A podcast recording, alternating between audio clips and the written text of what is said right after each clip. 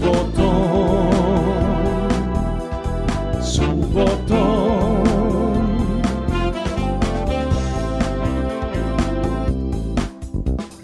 Dobro jutro, dobri ljudi, dobar dan, budite mi dobro, ko što sam i sam. Neka gore mreže, stiže nešto sveže, subotom.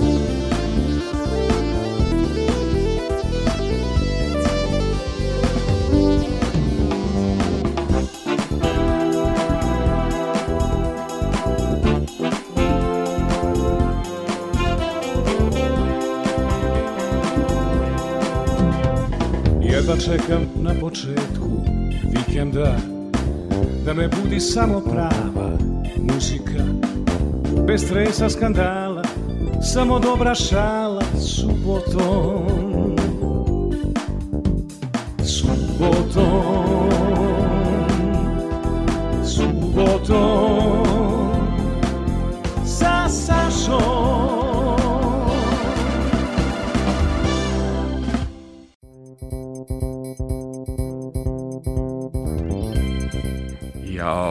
dobro jutro, dobar dan, divno jutro nasmejano. Uvek kad vidimo ju dragu koleginicu Ninu Martinović Armbruste sam dobro izgovorio savršeno, nemačko. Savršeno, ovaj, dobro jutro. kad ja nešto dobijem osmeh, setim se svih ovih godina koliko se mi poznajemo, pa sad proučavajući CV i pripremajući se za emisiju, shvatim godine prolaze nervoznim korakom, što bi rekao Žika, ali tako, da, i da. Bajaga. Pa kako si Nina? Odlično sam, hvala te. Saša, odlično sam i počastvovana sam. Drago mi je što gostujem u tvojoj emisiji i drago mi je što sam u radiju e, i na da. radio talasima jer to baš volim. A posebno mi je drago što pričam sa tobom jer je sa tobom uvek zanimljiva priča, uvek je veselo i pozitivno i optimistično i s obzirom na to kroz kakve sve faze si ti prošao u svom životu, ti si jedan od najvećih pozitivaca koje ja poznajem. Pa Hvala mi je time ti dražen. mnogo Nina, a eto šta je meni bilo u istraživačkom novinarstvu otkriće. Um, ljudi te mnogi znaju, znaju te kao izvrsnog reportera, reporterku, Hvala. Uh, neku ko je uh, sa egzita fantastično izveštavao, sjajno, motivaciono ljude na dva mora, uh, držao kao urednica, pa onda festival uličnih svirača i to je nešto što, znači ti si pre svega um, rasni reporter ili reporterka. Međutim, ljudi koji ne znaju podatak jedan o tebi i mene šokirao da je Nina Martinović Ambruster radila na radiju. I to narodnjačkom radiju. Ja sam to, eto, taj podatak kad sam saznao, skoro nisam pao s multimedijalne stolice u multimedijalnom restoranu. Nina i narodna muzika, to mi stvarno ne ide. Da, Jesi nije ti, ti nekako žena egzita, žena rock'n'rolla. Jeste, razne faze sam u životu imala, ali narodna muzika nikada nije bila ni privatno, ni profesionalno nešto čime sam se mnogo bavila, niti mi je bila bliska mada u duši jeste. Kao klinka prva muzika koju sam ja i čula i učila jeste spadala u onu starogradsku narodnu A, e, muziku i neke naše stare pesme, sećam se da su neke od prvih koje sam ja pevala, bile, ne znam, makedonska, Sejde Fumajka buđaše, pa Opo, kad ja pođoh na Bembašu, pa naša tamo daleko. To su prve pesmice koje sam, osim onih dečijih neki, ide stari Paja da. Patak i to, prvo Ali, su bile ipak narodne. He, e, e, sremica, mislim. Imaš pa, vidi, pola mačvanka, pola sremica. I to, a, moram, dobro. i to moram da ti naznačim. A, a, e, meni je jako bitno šta je ublažilo sremicu, jer ne prepoznajem kod tebe tipične osobine sremice. Ne znam to da je mačvanka kod... mogla da je ublaži. mogla je. Mo, Ali, mo, moram ti reći da je da to potom e, radila si i na As radio, je li tako? Jeste, da. Ne, prvo je bilo, Ko mogu je da bio? da ti sad Možeš, hronološki, a, hronološki. Hronološki, dok sam radila na NS Plusu, gde smo se zapravo nas dvoje sreli i upoznali, otvorilo se jedno mesto u Novosadskom radiju, dakle naša kuća, naš da. radio, Novi Sad ja dobijem uh, informaciju tu i tu, se javi tada i tada, popričam s nekom urednicom koliko Dobro. se sećam i dolazim ujutru na posao u pet, počinje neki jutarnji program. Ja dolazim, kreće instrumental, međutim kreće neka harmonika i neka narodna muzika. Ja se gledam u tonca ovog, pa zbunio se sigurno. On gleda čovek normalno, ja najavim dobro jutro, šta je već tamo bilo napisano da pročitam. I kreće narodna muzika i dalje. Lepa, stara narodna muzika, ali narodna kad ono radio Skala. Skala. skala je bila naša divna radio yes. stanica sa narodnom muzikom i ja sam tu, koliko se sećam, nekoliko meseci samo radila, a onda je došao angažman u Radio Dunavu. A dobro. Gde sam radila nekoliko godina, nekih 5-6 godina i to mi je bilo predivno iskustvo, obožavala sam taj posao i to je bilo ostvarenje nekih mojih dečijih snova i želja, jer sam ja celog života žela da radim u radiju televizijom je bilo, ju, o tome ne smem da razmišljam. Aha. Ju, zamisli TV. Ma, mislim, ko bi rekao da će se jednog dana zapravo to pretvoriti u karijeru. A onda sam a, neki godinu dana radila u Radio As. Prvo u duetu sa kolegom Predragom Terzinom. Bila je to emisija Dva sata iz Nehata i tu smo se mnogo dobro provodili, bilo onako duhovito, zabavno uz neke komunikaciju sa slušalcima, a onda sam imala svoju emisiju koja se zvala Erotikas Molim? na Radio Asu. Da, da. dosta inter, interesantan da, da. naziv. Ponedeljkom od ponoći do dva, s tim dobro. što smo radili o, o teme, je osnovna bila erotika, ali sam uvek imala nekog stručnog gosta koji je iz svog ugla pričao o nekom aspektu erotike. Pa smo imali temu erotika u u umetnosti, u slikarstvu. Dobro. Pa mi je bio slikar gost. Onda erotika u sportu, pa mi je bio jedan sportista gost. Pa onda erotika u modi, naravno bilo i toga. Pa erotika u muzici, erotika u književnosti. To su tako bile zanimljive, lepe, široke teme. Trudila sam se da biram divne i dobre goste. A onda sam, sećam se, imala i jednu gošću striptizetu, jer Alfa. smo i o takvoj vrsti erotike, toj čistoj golo erotici pričali. A ono što je bilo najzabavnije su bile SMS poruke slušalaca koji su gotovo uvek, ni jednom nisu, ni u jednom terminu promašili da neko napiše šut Bajrotka i to je bilo glavno. A ostali su bili tako često duhoviti. Bilo je u par navrata u početku nekih bezobraznih, provokativnih, ali su brzo ljudi ukapirali da je to jedna benigna šala koja treba erotiku da prikaže kao sastavni deo života u mnogo širem smislu nego što je mi često doživljavamo kao banalnost. Ali y, y Fede 20 godina striptizete nisu bila što su sada, ako mogu da kažem. Nisu postojale starlete, nije postojalo je, ne, to. Drugo to je bila jedna profesija skoro na ivici umetničke, tako ako je, mogu tako, tako da kažem. Postojali su i ti jela. Ne sumnjam ja da i danas ovaj, sigurno ima ljudi koji se time posvećeno eh, bave i da to može da se smatra umetnošću na neki način.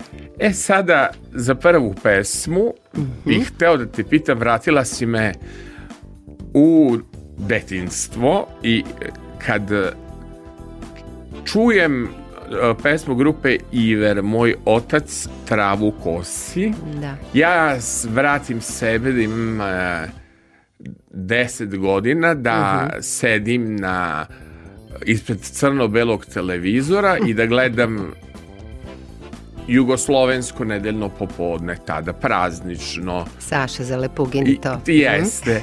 I, i, i, i, I faktički uvek me ta pesma dirnula, nije se mnogo puštala na radiju. I sad kad mm. si ti ovaj, izabrala, ti si mene maltene kao nekim vremeplovom vratila u to vreme gde sam ja kao dečačić slušao i gledao to i spot je bio prozaičan, baš se i mm. kosilo i Sarajevska televizija to proizvodila. Zašto ta pesma? Zato što je to jedna od prvih pesama u kojoj sam shvatila, čak i ne slušajući reči u početku, jer nešto nisam obraćala pažnju na reči. Moram da ti kažem da sam reči ukapirala sa jedno 14-15 da sam obratila pažnju. Ali to kad krene ona polako muzika, pa kad ona to zapeva Ja se sećam da sam ja svaki put bila dirnuta bukvalno do suza i to je jedna od onih e, pesama koja te pomeri, barem je mene pomerala, svaki put kada je čujem. Svaki put me dirne do suza, ali tek kad sam malo podrobnije poslušala i da otima kuću cvrčku i, I tek onda kad malo jeleno, i gorskom, miri. tako je. I onda kad to posle sa tamo nekih 13-14 godina kad to sve pohvataš i pokapiraš, pa kad onda taj miris pokošene trave koji inače obožavam, sastaviš sa tim pa te to baci u neko razmišljanje, pa ne znaš ni jel voliš i jel ne voliš, i jel treba i jel ne treba, Mislim da su takvi momenti okidači da čovek napreduje, da se razvija, da svoju svest proširuje koliko god je moguće i mislim da su to vanvremenske pesme, bez obzira na produkciju, na to kako zvuči danas, ali nešto što nosi takvu emociju ima ogromnu snagu i vrednost, s tim što moram da stavim jednu malu ogradu, a to je da je ipak i ta stvar e, lične percepcije e, lična. E, po meni... I to zavisi od osobe do osobe, moguće, ne znam. Možda jedna od omiljenih pesama, ali eto, e, nažalost naše radio stanice to ne vrte, nekad je u noćnom programu to znao Radio Beograd da vrti često, ali baš volim i nekako od tvoje šarene playliste počećemo ide naš džingl, subotu sa Sašom, pa Iver i pesma Moj otac travu kosi. Subotom, subotom, sa Sašom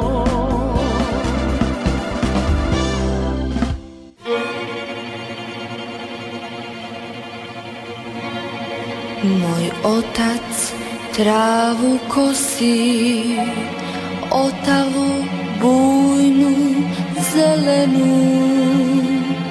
Otima kuću cvrčku i pašu gorskom jelenu. Umiru tiho trave, još osegle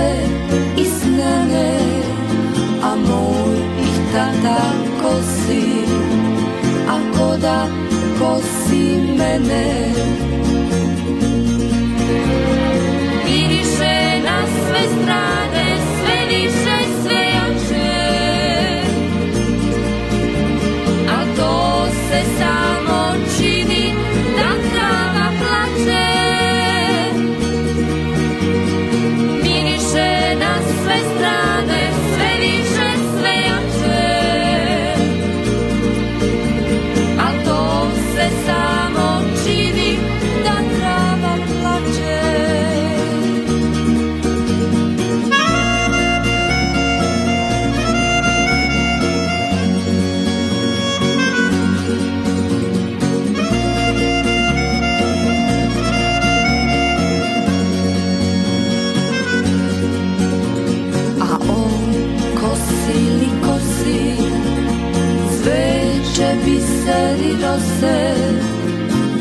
plaže Popni pjevači U svijet od smrtne kose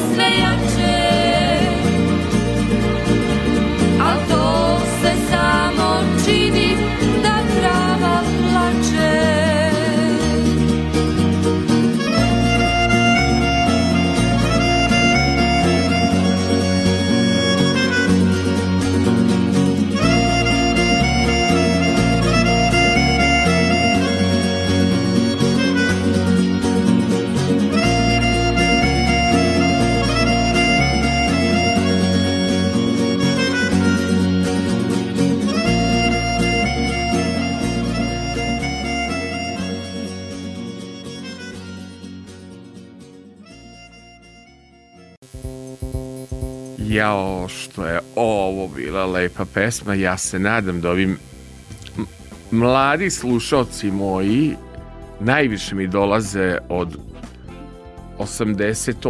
do 96. godište, to je neverovatno. Da, baš neobično. Ovaj, e, već nekako slušanost ovih domaćica koje prave ručak ili spremaju E, e, neke specialitete subotom je takvo i nekako ljudi najviše uh, slušaju radio u kolima kad krenu. Da. Ipak je šta je, znam, vikendi su dani za izlet, za boravak u prirodi, za, da se posveti porodici, čovek, prijateljima i e, onda nekako mi divno bude kad me neko taguje na društvenu mrežu i vidim e, da uživa u emisiji. Ajmo dalje i zapravo onda kreće 90, ajmo da, da, bavila si se, da, sportistkinja. Jeste, da. Ovaj, e, Sremica, jela, e, rođena u Sremskoj Mitrovici, do sedme godine živela u Salašu Noćajskom. Gde je da, to? Da, da. Stoji je preko Save, a pored Mačvanske Mitrovice koja se nalazi tačno naspram Sremske Mitrovice, prvo selo, kasnije tamo prema Bogatiću, se zove Salaš Noćajski. Da. To pa se tako tamo je. izgovara, jedno mestašce odakle je potekao prvi srpski vojvoda, A pa. zmaj od noće, Stojan Čupić, I... ali između ostalog ovaj, to je jedna od specifičnosti, ali evo druga je, da su neki ljudi koje poznaješ tamo odrasli. Tamo sam uh. provela prvih sedam godina dok se roditelji nisu razveli i otud kažem, ja sam pola mačvanka, pola sremica, tata mi je sa te strane Save, mada je već deo života i profesionalno proveo i on u Sremu ali mm, to je jedan deo života kojeg se sa radošću še, sećam i dan danas volim da odlazim u Salaš jer se tamo prošetam po bašti i po dvorištu i setim se svega onoga lepog što mi je obeležilo detinjstvo a što je u stvari bilo maštanje o jednoj budućnosti. Kako će biti lepa i sjajna. Ja, kako ću raditi na radiju, na televiziji. Da. um, ka, ono, miks talenata si nasledila dosta. Mama je yes. medicinska sestra, bila i vrhunska glumica u matarskom pozorištu, da. a tata nastavnik fizičkog i muzičar. Da, da. I, i ovaj, koji si ti zapravo talenat uh, sve. nasledila? Sve sam, ali veruj mi, sve. A, a jo, glumi, pa da, pa ti glumila, si ona, ona... da. Glumila sam u e, pozorištu. Uh, šta si glumila? Šta misliš? U amaterskom. U amaterskom pozorištu sam glumila u dosta predstava, mislim ima toga baš da se nabroji, ovaj, ali, čak sam i neke nagrade osvajala, ali je tu ljubav u meni probudila mama koja je od nekih školskih dana to volela, pa kasnije tamo negde pred penziju počela opet da se bavi pozorištem i odlična je glumica bila, pre svega je imala vrlo zapažene uloge ovaj, gospođe ministarke recimo da. Nušićeva i tako bila komičarka odlična mama. A, da li je tvoj talent prepoznat i na televiziji? Čini mi se da si i tu ime. pa da se imala... naših novogodišnjih programa Sećam sale, pa nismo propuštali da Sećam da glumimo se. u tim nekim ovaj, skečevima. Na 11 plusu je si glumila, U to mm, vreme, da, ja ne da, mislim da se tek otkriće desilo u ovoj nekoj drugoj fazi kad si bila s, onaj, s onim a, bakutama, jel te? Bakute, Ksenija, ba... ja kasnije nam se pridružila Ljubica, da, da, da. Bakute, prvo dve bakute, bakice. Dobro, dve iz budućnosti. Bakici, iz budućnosti. Kako bi sad bakica najavila, slušate subotu sa Sašom, Ajde, probaj improvizovati. Čekaj samo da se setim kako bi to moja bakica Ajde, rekla. tvoja bakica je karakteristična. Nemojte da propuštate. Subatom se Sašom. Ja, super. Kad te vidim tri simpatične bakice, one su zaista nosile ovaj, skečeve novogodišnjeg da, da, da. programa i vi, vi ste se... Da, ovaj... a vidi i taj talent za, za muziku, pro, to sam od tate naravno dobila, tata svira gitaru i peva ceo život i moram da kažem da je moj susret sa scenom bilo to da je radijski studio, televizijski studio, pozorišni ili je to atletski stadion, stadion na kojem sam provodila takođe vreme, Prva scena na kojoj sam ja nastupala je bio roditeljski dom i sto koji se raskloni posle rođendana, posle, posle slave ili tako. Rasklanja se sto, ja se penjem na sto, tata uzima gitaru i ja zabavljam goste dok tata svira. To je bilo moje detinstvo. Ja ne znam koliko sam imala godina, ne znam da li sam uopšte pričala, ali ja sam već pevala. Boga mi, bavila si se atletikom, osvajala medalje, Jeste, pevala u koru. Da. Sve putovala sa horom, kako se hor zvao? Sirmium Cantorum. Sirmium Cantorum je bio odličan hor našeg profesora Bugarskog, osvajali smo ozbiljne evropske nagrade. Čak između. i zlato. Tako je, tako je. Cum laude smo osvojili u Belgiji na jednom evropskom prvenstvu horova, to je ozbiljno bilo.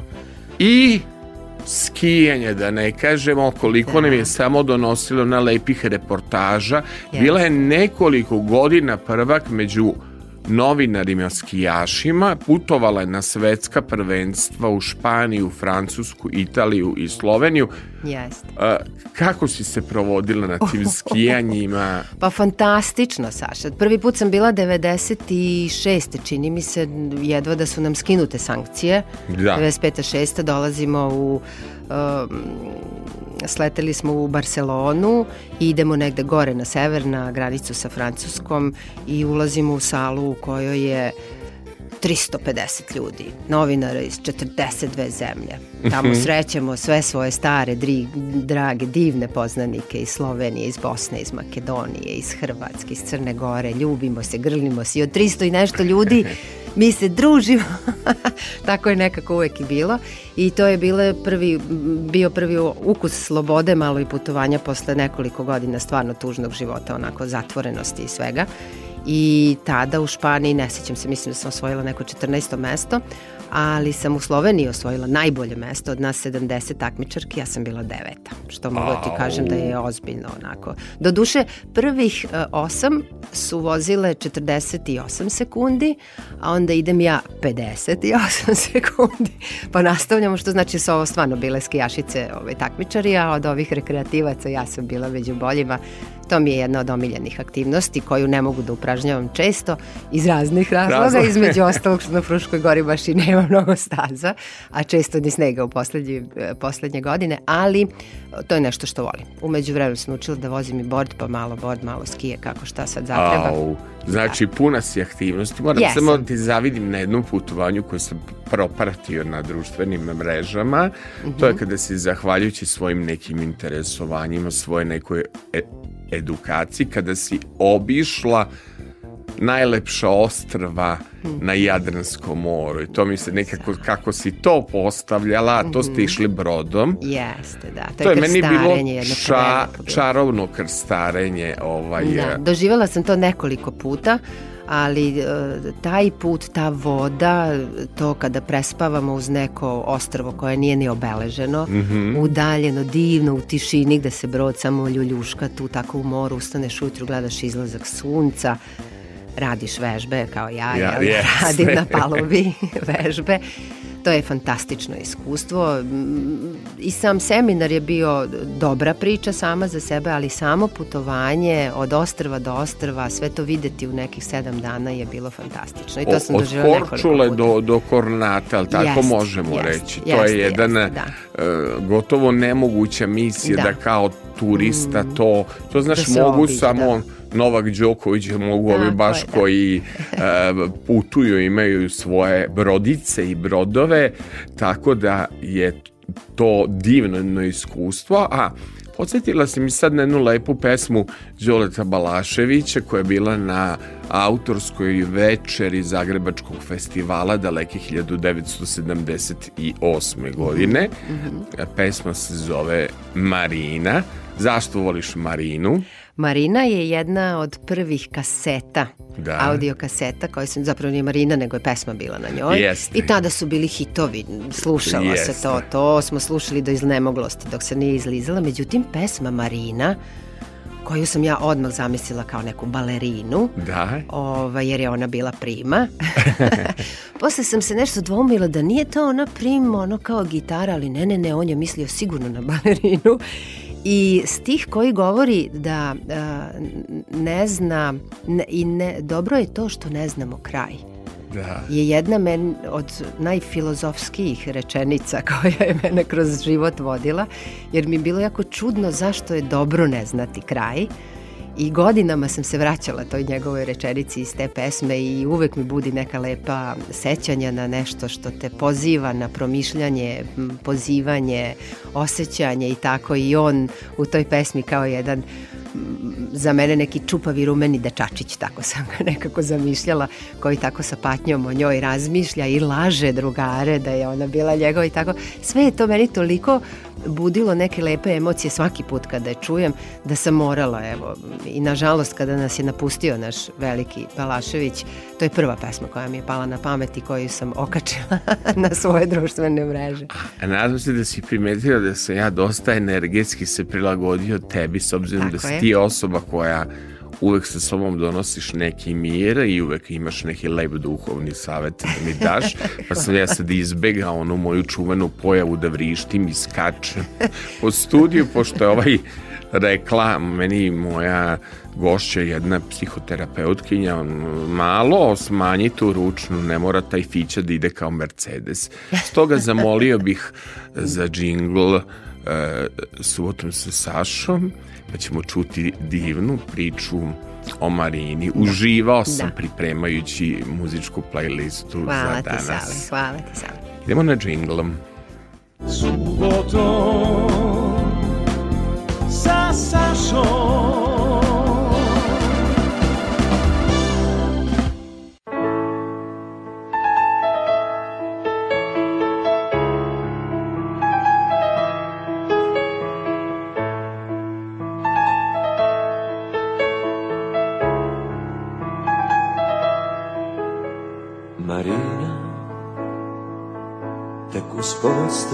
slika Još mogu da se setim tvoga lika I bude se tad neki namiri zli I drugovima pričam da si moja bila ti Sad pijan o te laži ko dobrog rumenog vina Marina Ti si bila moja plima Marina Svetlo tama, leto, zima I verujem još U tome je spas I često tako smišljam Neki život za nas A tada Javi mi se stvarnost sretno ko violina Marija Ja još iste pesme pevam Marina Ja još iste slove slepavam Iz ničega smeh još stvoriti znam Na kraj svake pesme ipak ostanem sam он, как у шум и моря, из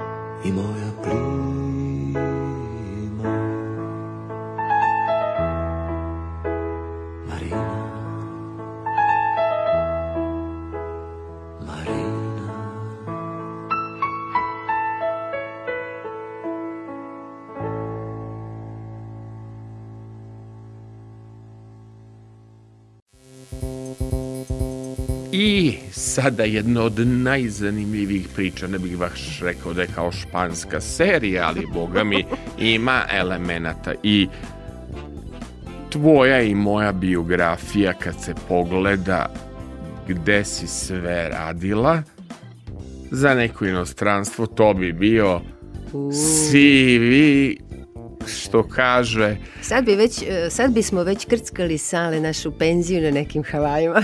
Mm, ako već nije da krtkamo na Havajima, može i kuća pored mora ili da, kuća sa da, da. nekim bazenom, ako da, se da, slažeš. Da, slažem se, može. Da to može, može da zadovolji te neke da, Bolje pored potrebe. mora, ne mora da se čisti taj bazen. Nije, no, isto ti uvek fin, uvek ekološki razmišljaš. Dobro. to ti ka, kuću, nema ka, hlora, nema. Ka, kada je zapravo počela televizijska karijera? Mm, da. Pa 90. godina, ovaj, ja sam bila pri kraju studiranja i otišla sam na jednu pozorišnu predstavu gde nažalost sam sedela razdvojena od svojih drugarica, nešto da. smo tako karte dobile, raštrkano.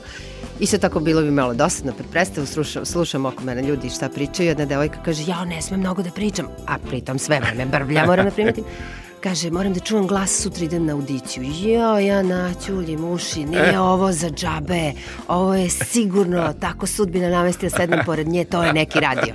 Ne budem lenja, sutra dan ranom zorom okrenem jedan radio, drugi radio, treći radio i na radio ne sećam se koje mi kažu, pa nema audicije nigde. Znate šta, oni gore sa televizije, taj P3, oni su dali oglas za audiciju, vrtelo se to kod nas, oni danas imaju audiciju. Gde je to na Mišeluku? Koji je autobus? Šta? Kako? Gde? Snađem se, dođem. Dobro.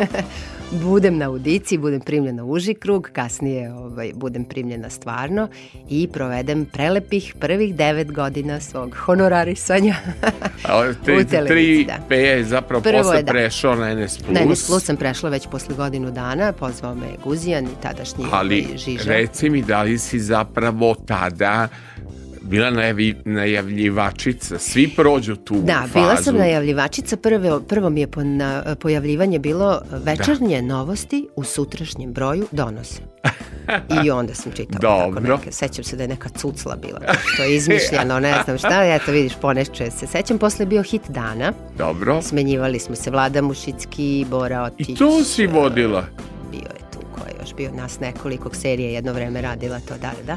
Vodila sam hit dana, da, da, da. Čak Igor Mirović, Sredom predsednik moj... E, pokrajinske e, je vlade, je vodio hit dana. On je dana. generacija pre mene, on je taman odlazio kada sam ja došla. E, ovaj, znači, vodili ste hit dana da. i na NS Plusu koji si prvi krenula da radiš format? Jedno vreme smo radili te neki subotom uveče, pa nedeljna popodneva ako se sećaš zajednička, jer to je još uvek Znam. malte ne bio, mislim, palila o, je Jesu ona da. nedeljna popodneva u, u JRT šemi, da, odnosno početku, da. Srbija da. i Crna Gora, Crna Gora da. a ovaj gde je bilo najviše voditelja. Jeste, mislim, nas je, Petro, Petro. Ko je vodio svo to nedeljno popodneva? Boba. Da. A, Boba, Tanja Vojtehovski, da. Da.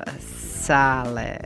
Bojović. Bojović, ja i moguće Teodora, da. Da, teda, Teodora. Teda sam, da. Mm. Znam da vas je bilo petoro. Pet, šest. Bilo I da ste to i to putovalo, da ste radili da. iz Budve, bilo neko nedeljno popodne. Ja u tom nisam učestvovala, A, u tom ovaj, moguće da sam ja već otišla sa televizije u tom nekom trenutku, jer sam jedno vreme, 98. otišla već sa NS Plusa, radila sam tada u jednoj privatnoj firmi kao prevodilac. Da, i, i radila da ne, sam malo u radio Dunavu i tako. Da ne zaboravimo dalje, da, da si o, tvoju osnovnu struku, da si zapravo profesorica, odnosno da si diplomirala engleski jezik i književnost Jeste. u Novom Sadu. Da, da li si ikad bila prosvetni jesam, radnik? Jesam. U školi da si jesam, baš radila? Jesam, ne u školi, nego na radničkom univerzitetu. Godinu dana sam radila. I to imaš u CV, da da, da, da, dobro. Da, da. E, a kaži mi, moramo se vratiti na NS+, Plus, pa kako? U, kako da ne, pa najlepši ovaj period je, našeg života sad. prvo i, i kad smo radili priloge, da li su sajamske hronike ili bilo šta, tražila aritmija ili za nedeljno popodne ili za ove programe koji su radili se subotom, uvek se tražila kreativnost da bude mm. prilog e, Žiža da. je posebno, Slobodan da, Žižović da. Žiža na tome insistirao da novinari to ne rade na klasičan način. Tako. Recimo mali saveti sa, ali ne znam da li se sećaš, to je moja prva emisija na NS Plusu, da Šta sam je ja savjetovala?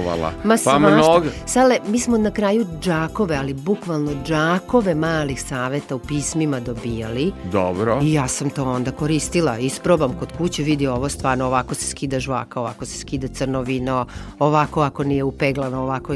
I gomile saveta iz tog vremena ja dan danas koristim. Stvarno? U, kod svoje Kako kuće, pa skideš da. žvaku pošto lepim žvake koje kuda? Je li ima Moraš, da, pravilo? Da, da, da, ima pravilo ako može da se ovaj, pređe kockicom leda. Dobro. Ona se zaledi, onda se iskrcka, lako se slomi ta tkanina u koju se ona ulepila i kao parčići se onda lako izvadi. A, da ti kažem, Sad ako je ta žvaka zacrnila se od nerešavanja probleme, onda je rešenje hemijsko čišćenje. Mislim da bi pre odnela hemijsko čišćenje nego da pokušava šta da. Mislim, dugo, dugo je žvaka na pojedinom e, mestu gde ne bi trebala da bude dobro. Ti zapravo kad si radila kao prevodilac u privatnoj firmi putovala si s yes, njima. Yes, jako da. mi je, pošto Uh, Impresionira me Las Vegas. Mm. Šta si videla u Vegasu? Videla sam kraljevstvo kiča i šunda. Stvarno. U najneverovatnijoj formi. u, u, filmovima i spotovima. Pa da, stvarno, Dobro. sale, ono je neverovatno bilo. Jedna savršena, fantastična organizacija jedan potpuno drugačiji svet. To je bilo 98. godine kad sam ja bila tamo na 10 dana. Bili smo smešteni u hotelu MGM sa velikim ogromnim lavom.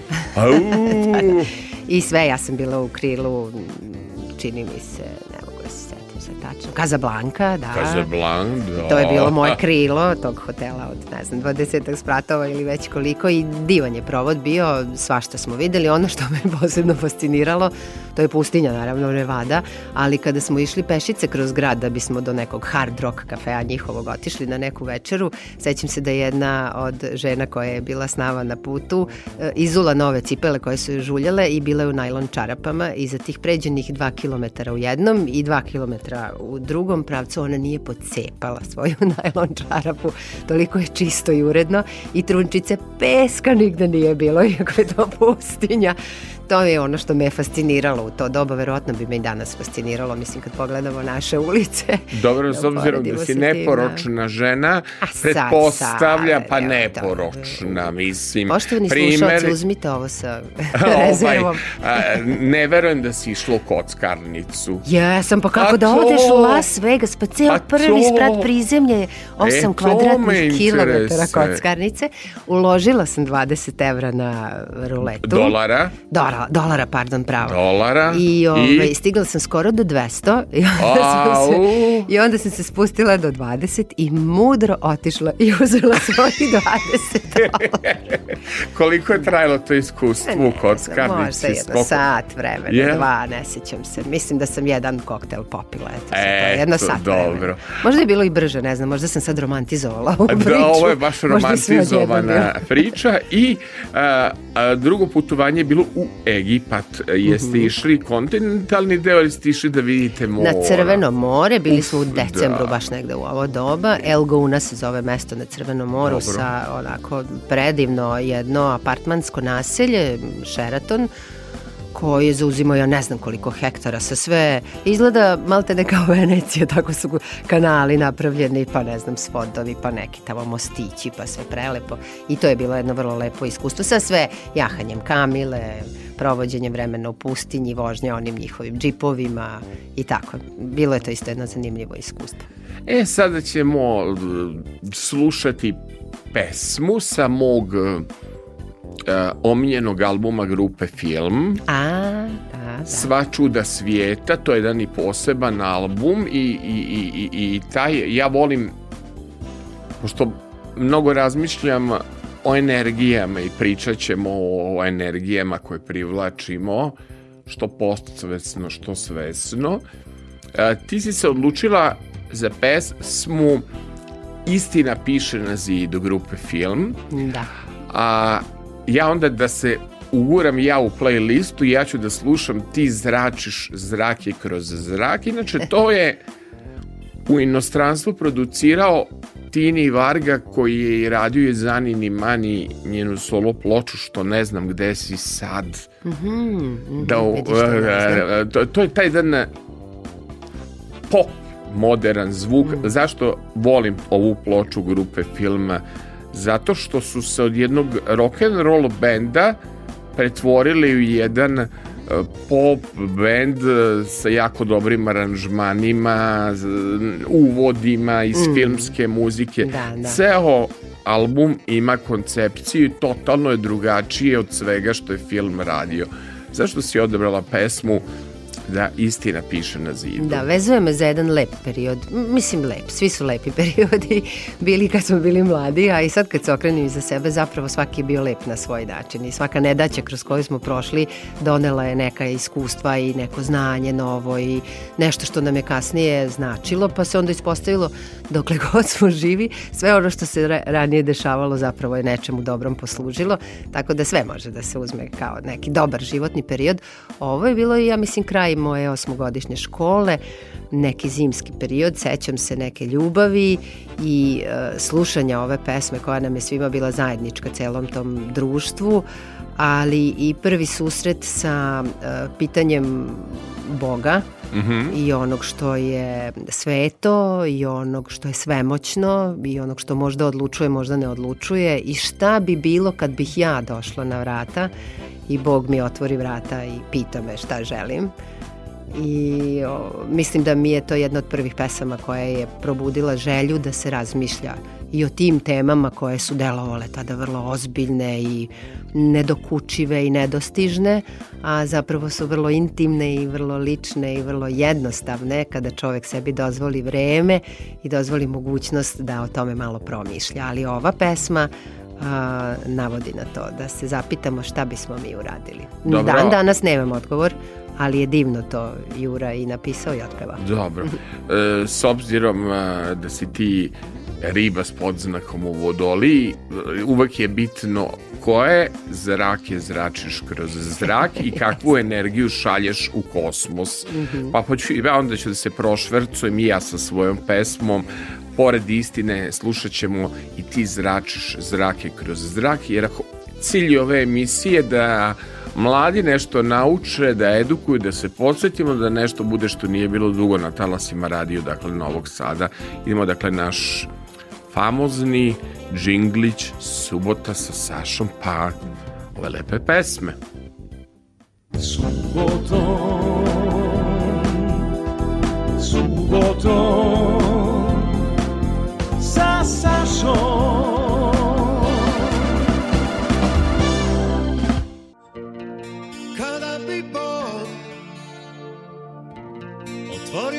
taraja I rekao mi hajde momče Uđi unutra i odmori se Ja bi stao Na pragu njegovog doma I rekao čekaj dragi Reci još samo dvije, tri riječi Moram nešto da te pitam gdje su moji drugovi Gdje je djevojka koju sam ljubio Ja ne želim tvoj raj Ako u njemu moram biti sam Gdje su moji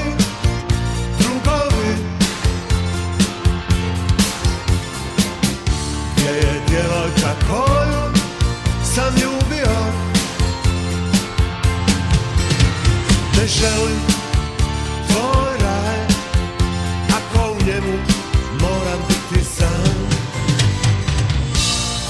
Anđele čuvaru Kada dođeš po mene Morat ćeš imati velika krila Da njima zagrliš čitav grad A mi ćemo sloviti Forever gryja I bicie się rano nas Samo człowiek lubi kafe Bicie szpały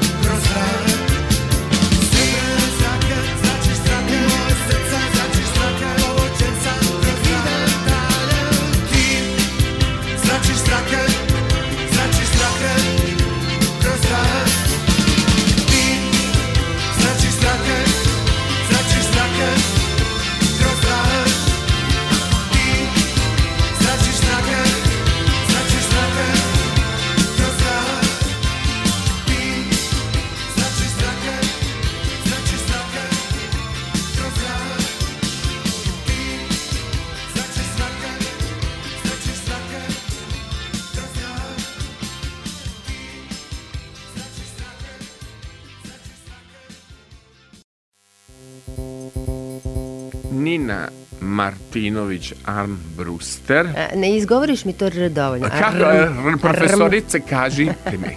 Arm, armbru, arm Bruster. Arm Imaš, Bruster. E, to je ovaj, Dobro. reč od dve reči. Arm, kao ruka Dobro. sad na engleskom, Dobro. ali zapravo je to značenje uh, u austrugarskoj vojsci su to bili, čini mi se, strelci samostrela, recimo baš onako kao carska garda. Da. Ili tako nekako, da. To su ti bili armbrusteri. Čak postoji danas neko oružje koje se nažalost tako ovo zove. Yeah. Mislim, to je naziv, ali dobro. Nina, da samo ne zaboravim jednu bitnu temu. Ovde mi dolaze deca koji su odrasla uz jednu dance emisiju koju si radila na NS Plusu. Da. Jel se sećaš uopšte ti tog perioda kada su ti dolazili Gala, Tako da Moby da Dick, uh, eh, eh, eh, Ajkulo sa ljudskim Uh, ko je sve bio tih dance izvođača? Tapnula 11. Tapnula 11, da. Leontina. Au. Ali znaš šta, u to vreme se pojavio i Gru. Gru? Da, i Bane Sunshine i oni su bili, tad sam ih upoznala, zavolela i Pokojni Gru je jedna od ovaj, najdivnijih figura i umetničkih i onako šaljivđijskih bio na toj sceni. Da. On je započeo u stvari našu domaću rep scenu, da je tako nazovemo. Montenigersi. Da. E, bili su i oni, naravno. Jeste. Pa i Zorana je bila, hoću Jeste, da sam da slobodna, da da, hoću da, da, da, sam sama. Da, svi koji su bili moderni u to jel, vreme jel, i ta muzika. Bio da. dak, ovde mi često daka traže Jeste. u, Jeste. u poslednje. Ali da, Ko je pleo džemper za Pedra? Jao, tam je dobra pesma. Play, ja mislim da je Dah pleo džemper za Pedra. Tako da ovdje dođu ljudi pa mi traže Bakija, mhm. be free, vidi, ne traže mi ja, još... Jo, da, ne. Ne traže mi još pet minuta, nego traže mi olovnu ruku. Pa je bio. Da, Đogani. Đogani je da. bio. Uh, jer, jer su još bili Đogani, Kako nisu se, se razdvojila ona. Brat? a, e, Đole Đogani, a ima i onaj drugi, pa sva trojica su braća, valjda da. je ovaj Bifri neki brat. Znači, kako se za to moramo da, da. razmislimo, znači, pa Anabela je pevala Anabela sa tim. Anabela je bila, tim, da, da, da, bila Anabela sa tim ovaj, bila je bratom. Anabela, jest, da, ne mogu da. i meni stade mozog za Đoletovog brata. Znam da su dve grupe, bio je dakle yes. Funky, idemo na Mars, idemo na Mars da. i da je bila ova druga grupa. Ovaj, stade mi mozak, samo da, se tu da. A, ja se, Anabe... ne, ja se ne sjećam baš dovoljno, ali, ovaj, ali je bila, svi koji su tada bili popularni su došli u tu emisiju, a emisiju sam dobila zahvaljujući ideji našeg tadašnjeg urednika Dragana Guzijana koji je hteo da napravi nešto što je pandan mojoj životnoj želji. Ja kad da, sam prvi put gledala MTV, videla sam emisiju Club MTV da. ili MTV Club, sad ne znam da, koji da, redom da, bilo, ne sjećam da, da, da. se, ali su tamo djuskali pored bazena u nekim bikinijima, ne znam, voditelji, voditeljke su nešto najavljivali, tu su dolazili neki bendovi Znači, to je bila diskoteka uživo, Zna. puštala se muzika, džuskalo se i zapravo je ova moja emisija Pop Rock Žur, tadašnja, tako smo je nazvali, Pop rock, žur, da. je bila u stvari pandan toj emisiji američkog MTV-a koji smo svi tako sa žudnjom tih godina pa gledali, pa ja maštali da ćemo jednog dana da tako. Pa ja vi bili aktuelni, znači da, da, da. meni je ostao Evergreen, Nataša da. je razbijala sa muzičkom kutijom, Jest. vi ste pratili te, bile su Denser. vam i model, modelsice čak, da, da. šef stanice, sad pokušam ja da se, se setim. Znam da su mi bile sestre Kovač, Da A, se sestre kada su tek Jungle Maniju i Sestrice, e, da, da, da, da ovde to je bilo, je bilo da. opšte oduševljenje kad smo pustili yes. Jungle Maniju. Da. Dobro. To nije bila muzika koju sam ja u to vreme slušala, Znam, već sam je nekako ti... i prerasla.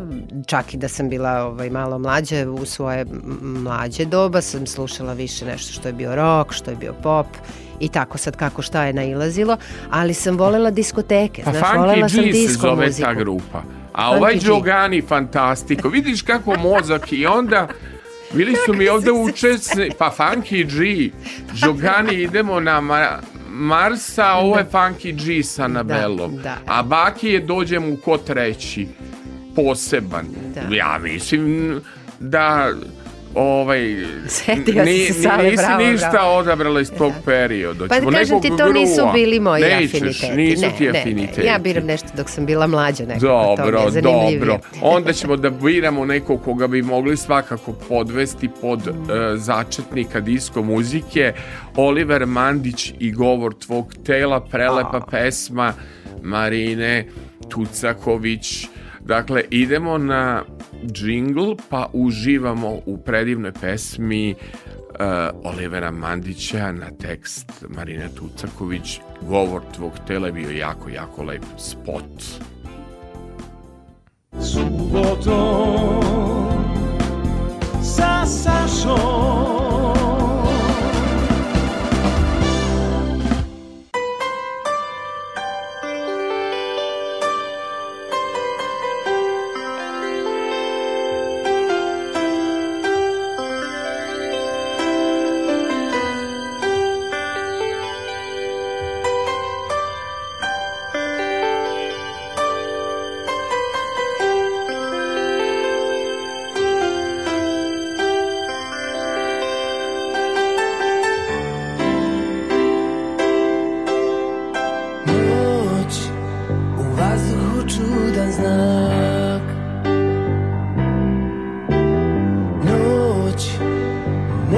tal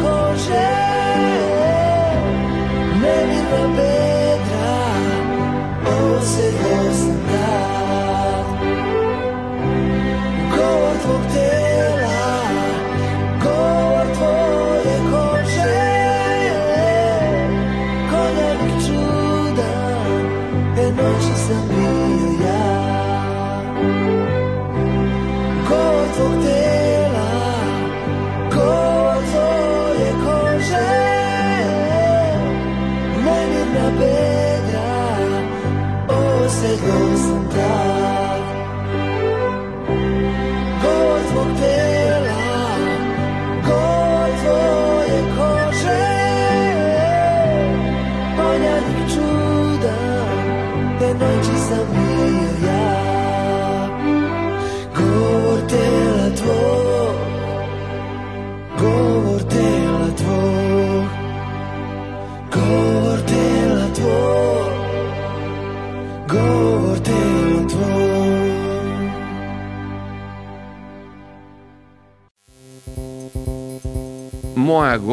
Nina Martinović, ovo ću prezime se da ne bih napravio grešku da me profesorica ne, gr, ne grdi, nek ti kaži, molim te da ja ne pogledam. Armbruster? Ala ti to oštro kažeš. Ne, Imam je to nemački. Sigurno, da, da, nemački, nemački je, pa da. austro-ugarsko je. Austro-ugarsko. Da, da, da, prezive, ali Dobro. eto se nekom sa nekom nemačkom dimenzijom da. svakako. Kakva si sa nemačkim? Nisam dobro. Da, Nisi nisam, ja. Nisam nikad učila samo engleski, italijanski. Dobro, dobro. Uh, 2009. godine vraćaš se u Novi Sad na radio televiziji Vojvodine na mesto urednice zabavnog programa. Da. Urednice sam bio dobar, poslušan kakav sam bio. Moram kao... samo da te podsjetim, Sale, da nismo bili u odnosu urednica i uh, kolega prvi put, nego smo to bili i na TV Tisi. Jao, jeste. Prethodnica TV Jesenjina. Ali pošto sam ja uvek nekako imao status mm. autora, ja to nisam baš doživljavao Naravno. klasičan urednički. Čovek da. nema kada si ti urednica problem ega, nema problem suete, nema problem da ti urednica kao Hvala karakonžula stoji nad glavom i dva da. mora smo radili pa kaže donesi nešto lepo i zanimljivo pa malo proveri mm. kako je tamo na plaži pa da, pa da. jel voda dovoljno slana i dovoljno ovaj topla međutim ono što se ja sećam i što je pomerilo mnoge granice što su me mnogi ljudi zvali, pitali, raspitivali kako da dođu do tvog kontakta. Još nisu društvene mreže zaživele, tek je bio tek početak. Je početak da, To je zapravo bila emisija Kosmos. Koliko je mene ljudi pitalo za tu tvoju emisiju. Da. E, imamo osjećaj da je trajala decenijama. Nije. ali verovatno je ostavila takav trag. Ostavila je ogroman trag. Ja dan danas dobijam i komentare i pisma. Postoji jedna grupa na Facebooku, ove, emisija Kosmos i to je bilo nešto što je na našim prostorima pomerilo granice. U nekom smislu bila je da, zapravo napravljena po ugledu na emisiju koja na hrvatskoj televiziji dan danas postoji, koju vodi kolega Mišak, Krešimir Mišak, zove se Na rubu znanosti i ja sam htela nešto u redu sa takvim sličnim temama koje su na graničnim područjima nauke, ali na svoj način. Ja dolazim iz zabavnog programa, žensko sam, nisam Uh, naučni novinar kao što je kolega, ja čak nisam ni kao ti po obrazovanju zaista novinar, nego sam to stekla ovako kroz iskustvo profesionalno, po obrazovanju sam profesor engleskog jezika kao što si rekao, ali uh, je to mene od uvek zanimalo i bilo mi je onako bilo mi je intrigantno da se bavim takvim temama i uletela sam u nešto što nisam ni znala zapravo šta će sve to da otvori kakva vrata, ali na nagovor moje kume Tatjane Karajanov koja je smatrala da ja imam dovoljno i energije i snage i moći da tako nešto izguram. Ona mi je to, ovaj, svesrdno pomogla da u početku dođem do nekih gostiju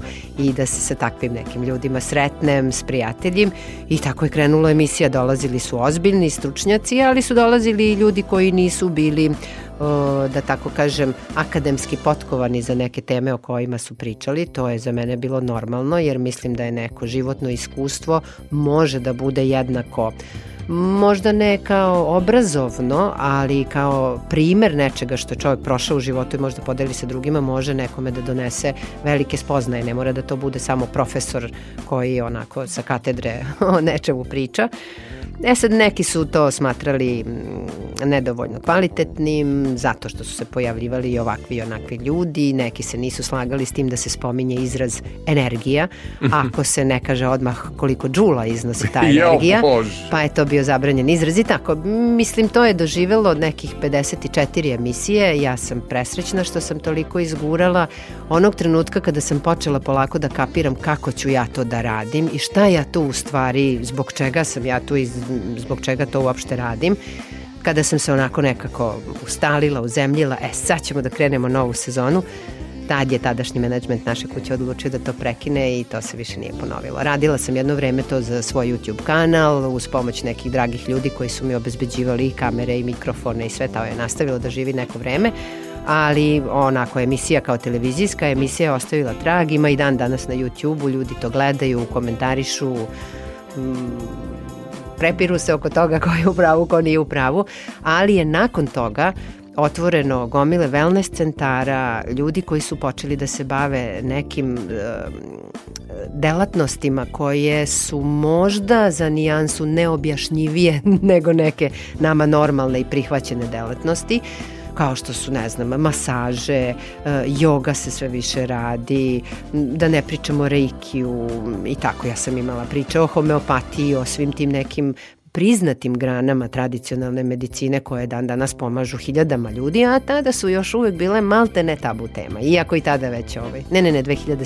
su priznate zakonski, ali svejedno ovaj, mislim, to su bile teme koje su ljudima izazivale znatiželju, radoznalost i e, utehu, su im davale, e, tako su mi često pisali ljudi, vi ne znate da sam ja mislila da sam luda, jer ja mislim da ja jedina to vidim ili jedina to osjećam, a onda shvatam da postoje hiljade ljudi koji isto to osjećaju, isto to vide, ali to jednostavno nisu teme koje se pričaju u masovnim medijima i onda čovek misli da nešto sa njim nije u redu, ako je malo senzitivniji nego prosečan čovek. A zapravo je to bio samo početak najave jednog doba u koje smo već dobro zakoračili, i vidjet ćemo za 10-15 godina sve će se to munjevitom brzinom izmeniti. E sad ja, Bar ja pošto, tako vidim.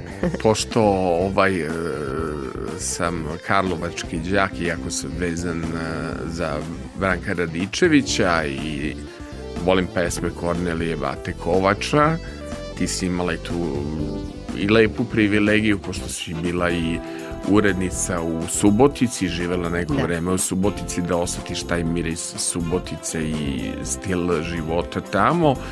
Ja predlažem, prvo ide naravno džingl, e, subotom sa Sašom, pa da čujemo jednu prelepu pesmu Zdrava Čolića koja kaže pjesmom moja. Znam da si da. bila i u izboru da, da slušamo, kažeš da ti nekad izgledam kod, kod Dunav, ali da. pošto znaš da ja volim tu pesmu, pretpostavila si da sam... Da si sigurno nekad pustio, yes, a pustio pjesma so. moja je uvek kao neka himna. Jeste, pogotovo se ja još setim života. tog e, nastupa drag, e, ovog Zdravka Čolića, bože, e, te tu reći Dragana Lakovića, nastup Zdravka Čolića sa sedmoricom mladih u show programu 7 7 plus 7, a oni su da. kao hor. Pjesma moja. Slušajte subotom sa Sašom. Subotom, subotom, sa Sašom.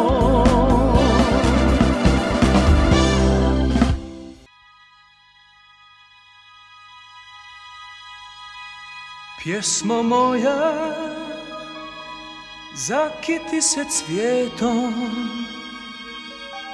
pjesmo moja, zamiriši svijetom, još sva srca ohladnjela su poznaćete pjesmo po mirisu,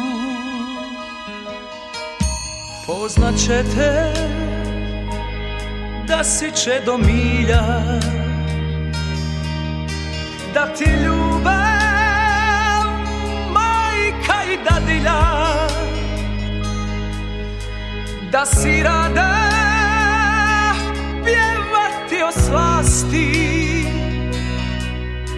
Razumjet će što ne umiješ kazati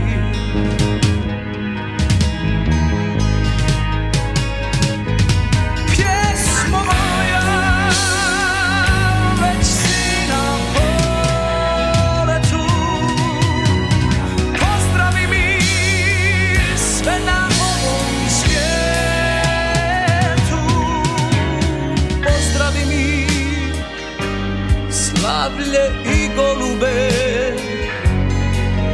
i sva srca što se silno ljube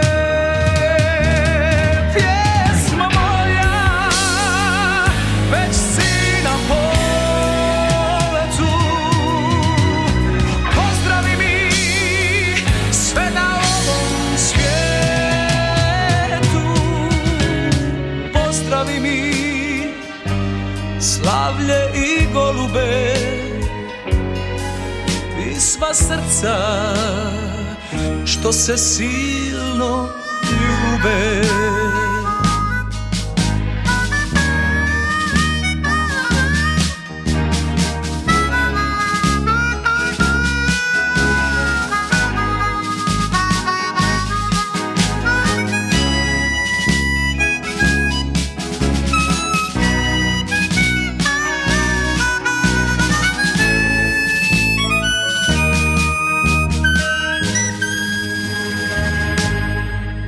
pjesma moja Zakiti se cvjetom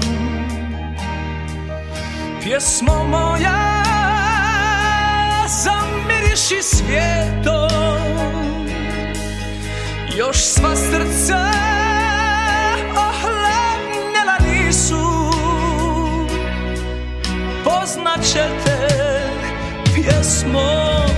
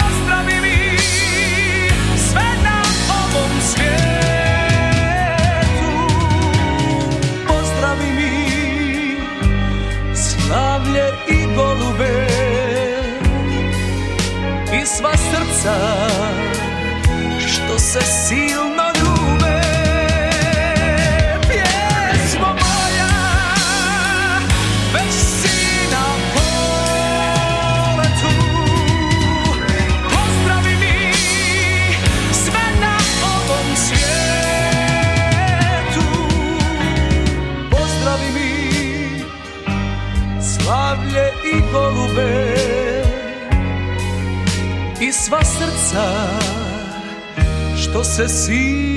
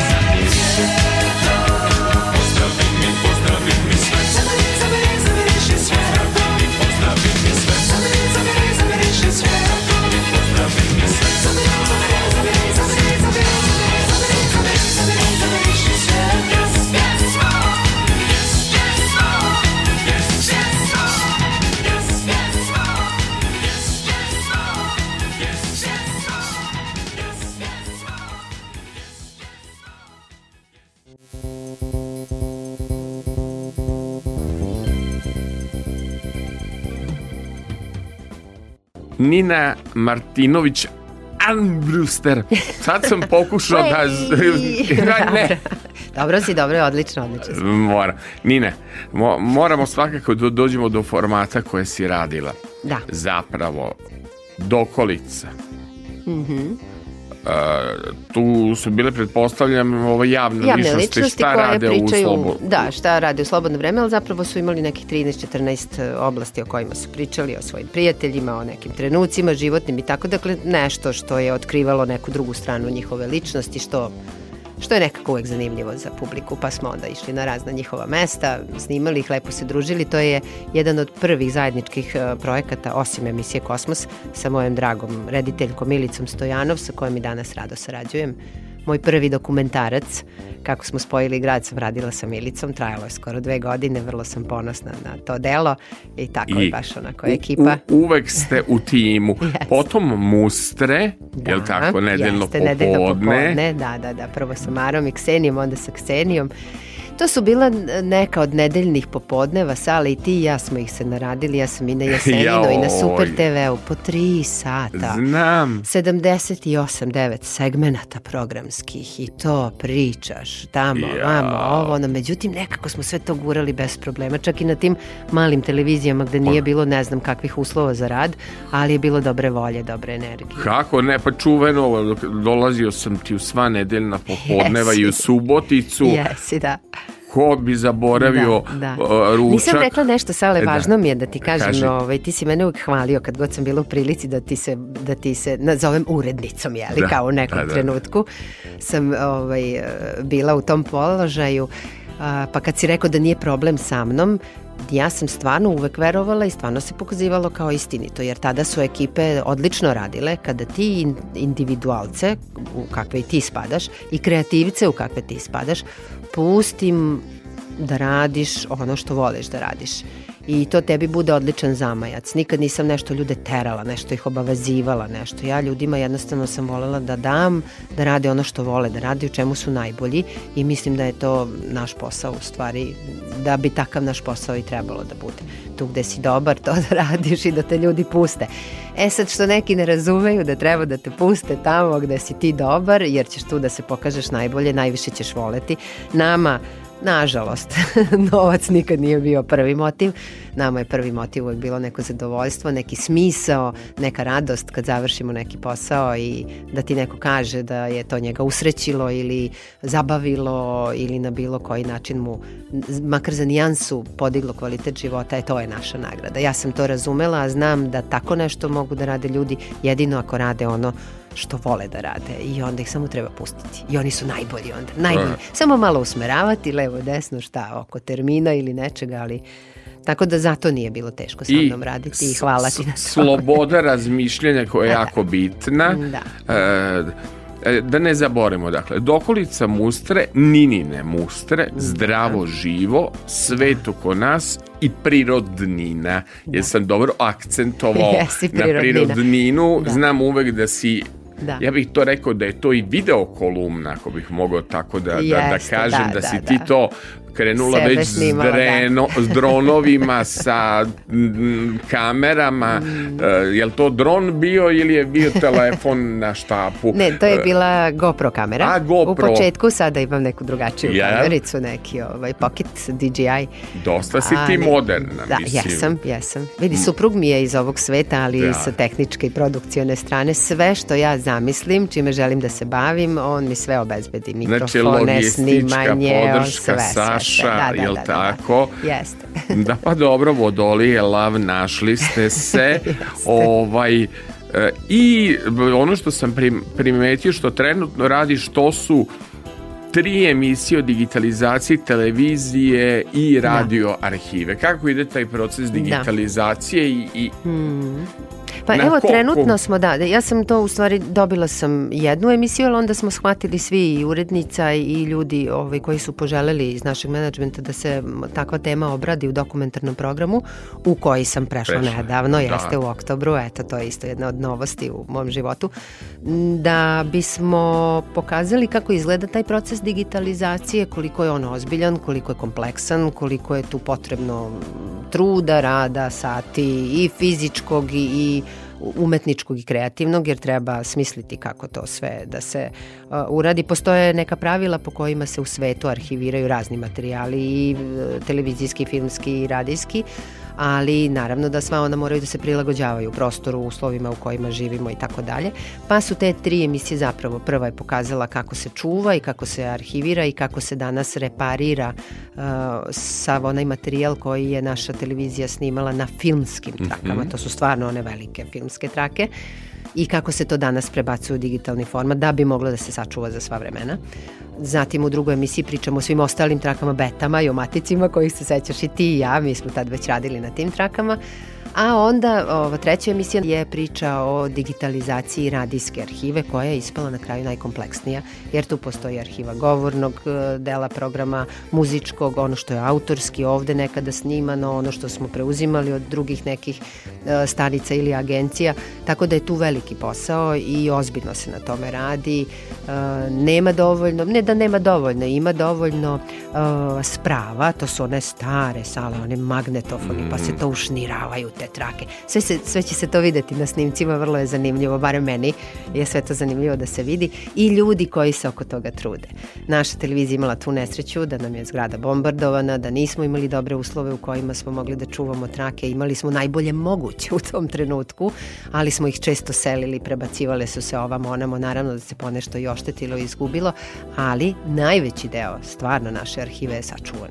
Sačuvan je zahvaljujući manje više organizacije ovakvoj ili onakvoj, ali ja moram da kažem na osnovu svega ovoga što sam istraživala dok sam radila na tim emisijama, najviše zahvaljujući ogromnom, neverovatnom entuzijazmu pojedinaca, kojih je u ovoj kući uvek bilo dovoljno da bismo prebrodili čak i najkriznije vremena.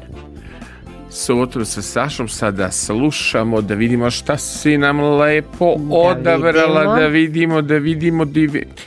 Ma moramo, umetnica mora biti zdrava jer mi se to čini da je tvoja... Kad smo već kod prirodnine, e, zdravlja, svega, jeste, da, kad da, da, smo dobro. kod toga, znači, ajmo na džingl, pa e, umetnici koja mora biti zdrava. Subotom sa Sašom Pássaro, probe sobre a Koja li je tajna zdrave kose Meghan Markle Koja li je tajna Koja li je tajna zdrave kose Meghan Markle Koja li je tajna Koja li je tajna Mislim da U pitanju je duboka hidratacija Kažu da Na koži i kosi se jasno vidi sve Recimo tamni kolotovi oko očiju ukazuju na probleme s jetrom Fleke oko usana, možda uvećana slezina Uvećana slezina, nije dobra, nije lepa A umetnica mora biti zdrava Biti zdrava, biti zdrava, biti zdrava Biti, biti, biti, biti zdrava Biti zdrava, biti zdrava sreća što postoji autonomni nervni sistem Ne moram kontrolisati otkud je srca, srce kuca, srce samo kuca Letnjeg dana jarke boje, suknje moje, na mom telu suknje moje Pa si ja šetam na zloje, brojimo korake, suknja ide oko noge moje Mi šetam i to je sve i ne mora bolje, srce samo kuca Dajem poverenje, neka samo kuca Dajem poverenje, neka kuca Neka dišem, Bože zdravlja, Bože zdravlja Bože zdravlja Bože zdravlja Ne u križicu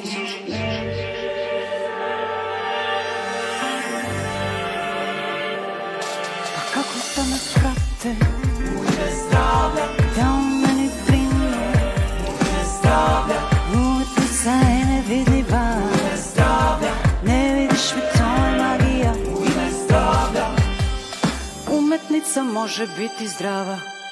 Biti zdrava, biti zdrava, biti zdrava. Bit, bit, bit, biti zdrava, biti zdrava, biti zdrava. Može, može, može.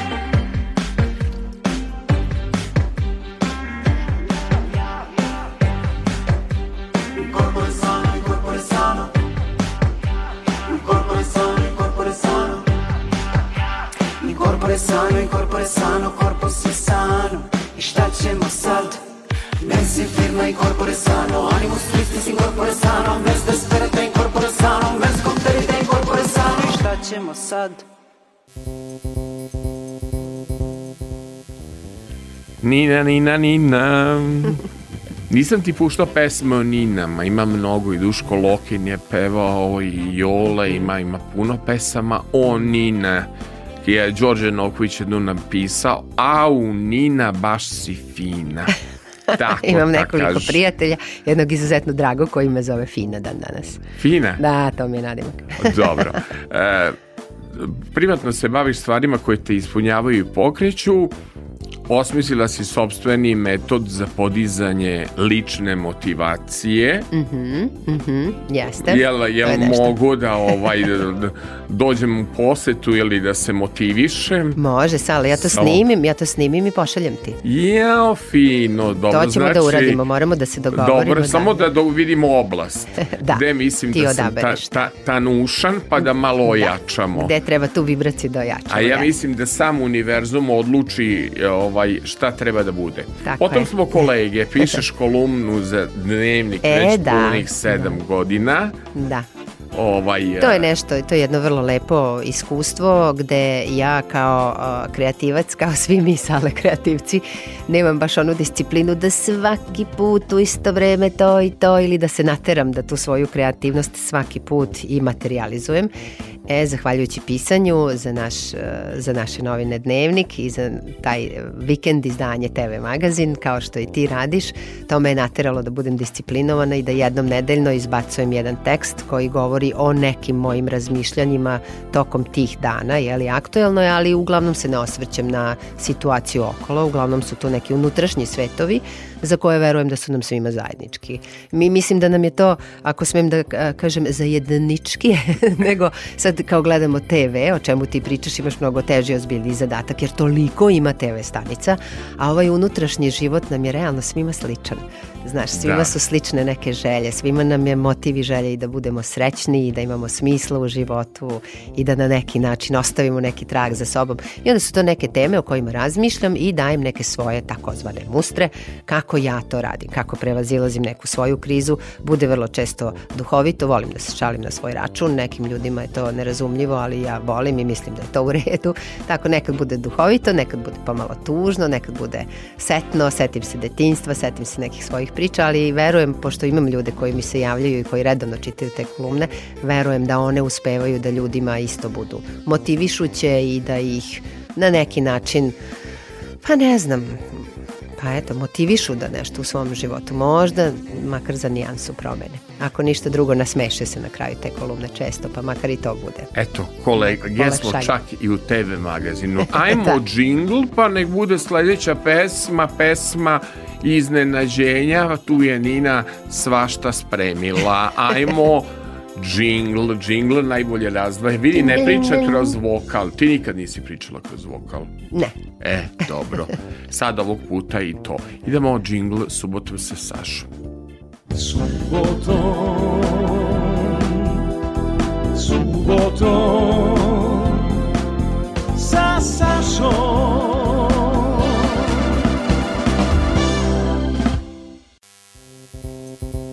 Draga moja koleginica Nina Martinović eh, donela mi je mir koje je sve to da ja kažem možemo još malo Sad ja kad izađem sale, eh, znači, a znaš, ti sedneš u lotus položaj i kažeš... Om... Ej, to, e, to mi je problem. Molim te, tih vežbe pet tibetanaca, ne, ne mogu ni da vežbam jogu, sa detoksa su me prebacili da igram etno pesme, jer sam nervčik, onda vežbe pet tibetanaca, ni to ne mogu. Može, što to ne mogu, može. Ne, svako. ne, dobro, to ćeš onda da me edukuješ, Uh, voliš prirodu, rad u bašti, pešačenje, pohađaš različite seminare za samo razvoj i razvoj svesti, je jel tako? Jeste, to se trudim celog života da to tako bude. Ne celog života, ali ovim nekim, tako da kažem, ozbiljnih, ozbiljnim godinama shvatam da je meni mm, ono što me najviše pokreće, ono što me najviše raduje je kada vidim da sam napredovala u odnosu ne na druge, nego sam uspela da prevaziđem taj svoj takmičarski duh za koji sam shvatila vremenom da je dobar bio dok sam bila mlada, ali kasnije me odvaja od ljudi, pa sam prestala da se takmičim sa drugim ljudima, nego sam počela da se takmičim sa sobom. Pa sad onda kad primetim da sam malo bolja nego što sam bila pre mesec dana, pre dve godine, pre deset godina, u bilo kojoj oblasti, onda sebi čestitam, to me veoma motiviše i mislim da je Malo je možda prozaičan sad već izraz rad na sebi, ali ne znam kako bih drugačije to nazvala. Mislim da je rad na sobstvenoj svesti, na sebi, na svojim sposobnostima, mogućnostima, nešto što je najvažnije za svakog čoveka u životu i što pre to shvatimo i što se pre sebi okrenemo, da kao individualci na sebi malo bolje poradimo, to ćemo pre imati i lepšu stvarnost oko sebe. Jer ćemo ako se veći broj nas odluči da malo poradi na sebi, da bude bolji čovek, imati bolje okruženje, a nećemo da čekamo da okruženje bude, okruženje bude bolje pa da mi onda budemo bolji, jer tako ne ide. Posle, eto, biografije ove, finalno pitanje za kraj. Zaista bogata biografija.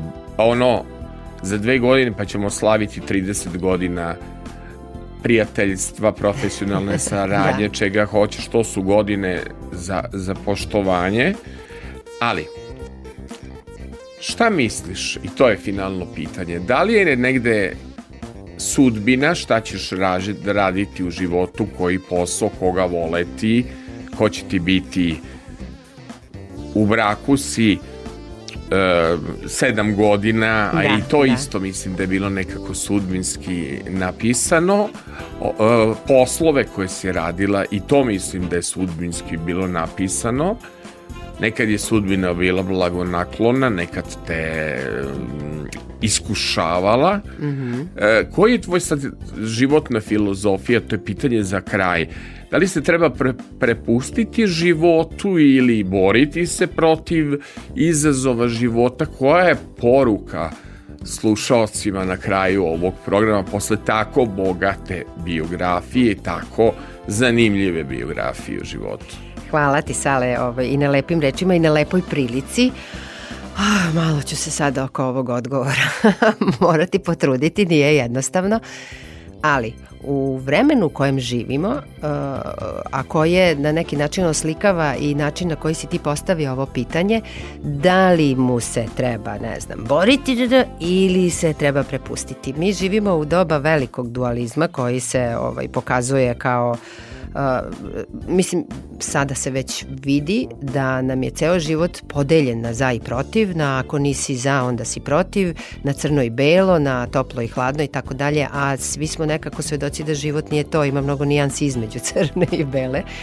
A, ali mislim da je važno da se svi potrudimo da shvatimo te nijanse između da znamo gde su nam granice, ali da ne insistiramo na njima, jer su granice izmišljotine našeg uma, kako ove fizičke naše granice, naše zemlje, planetarne granice, tako i u našem umu.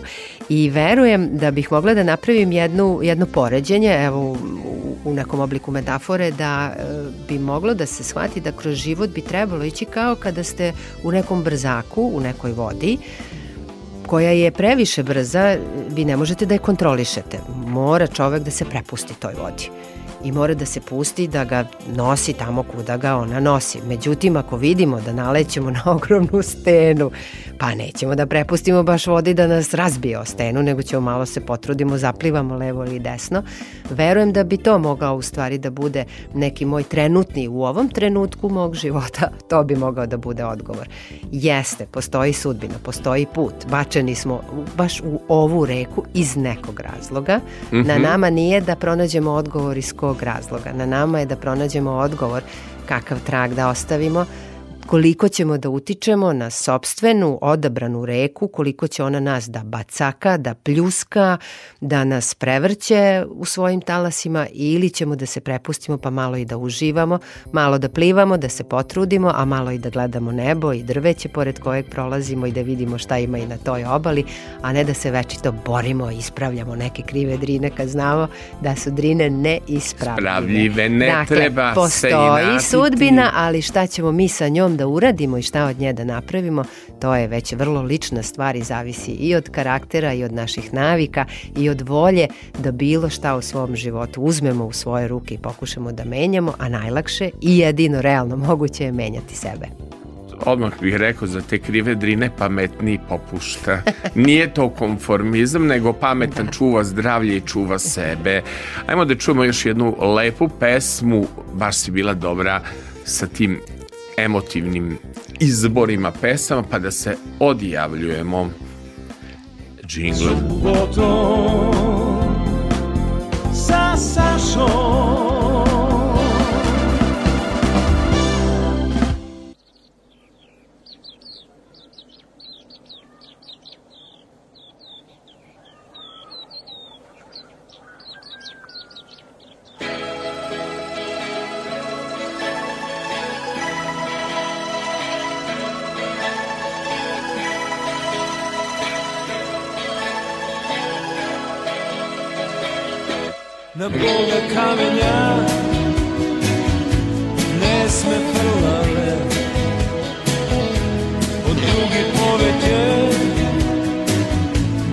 pesme grešile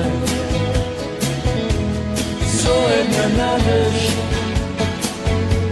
Za troška ljubav Za malku sreća Žive me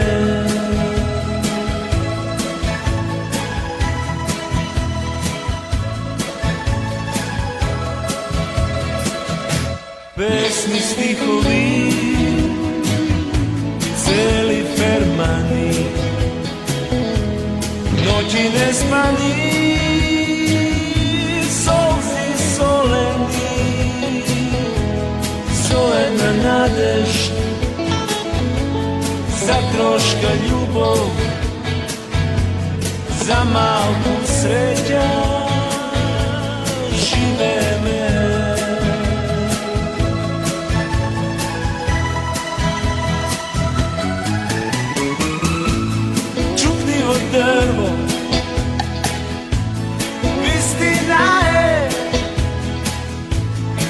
rado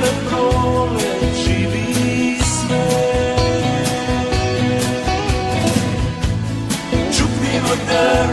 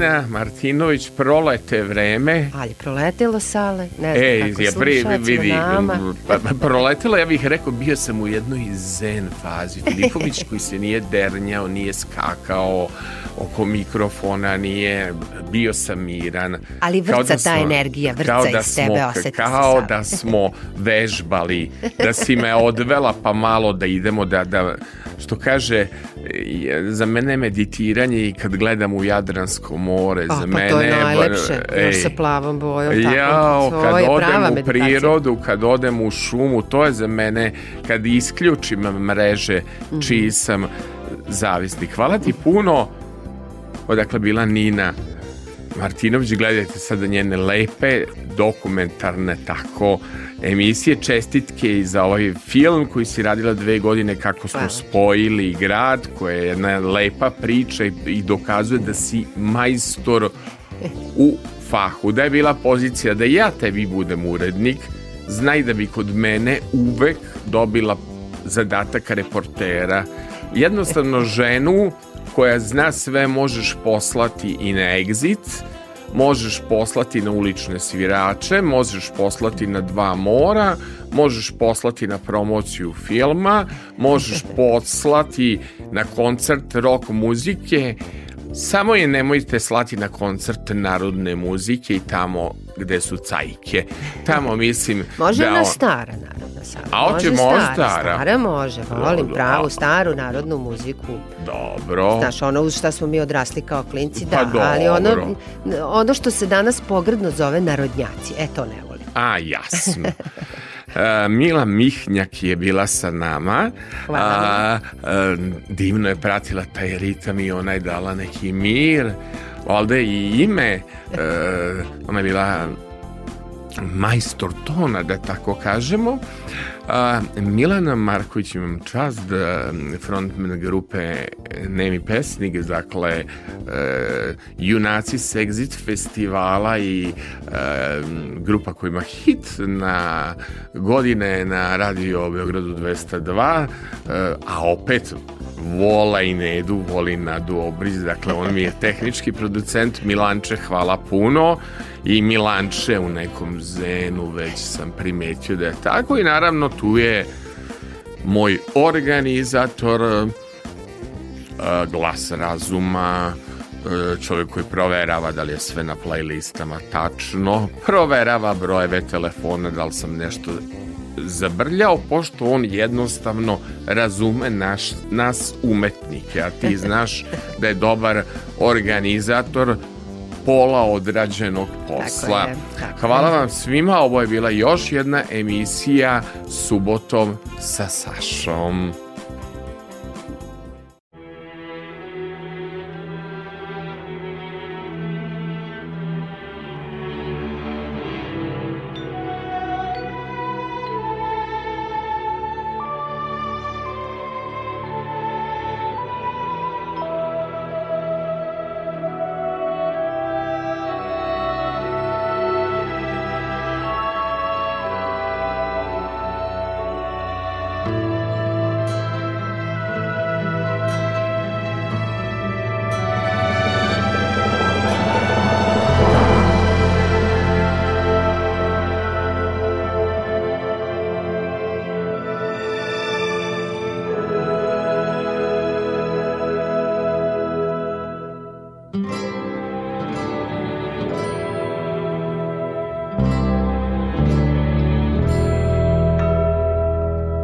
Sve će to, o mila moja, prekriti ruzmarin, snjegovi i šaž.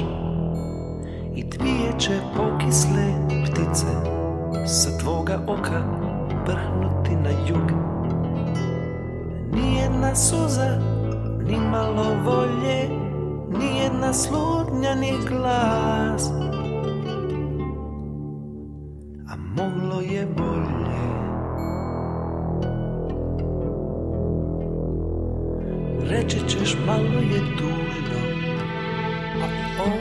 je bio kobilijan I stačemo goli i sami Pred ovo ledeno nebo i mrak Miriše belin, pusto polje Od svale ruže i med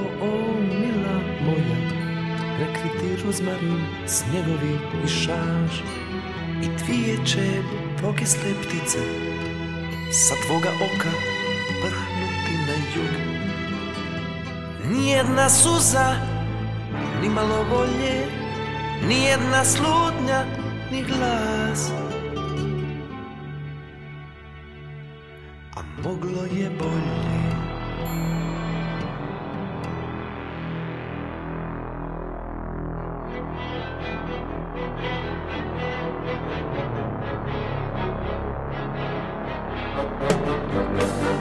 you.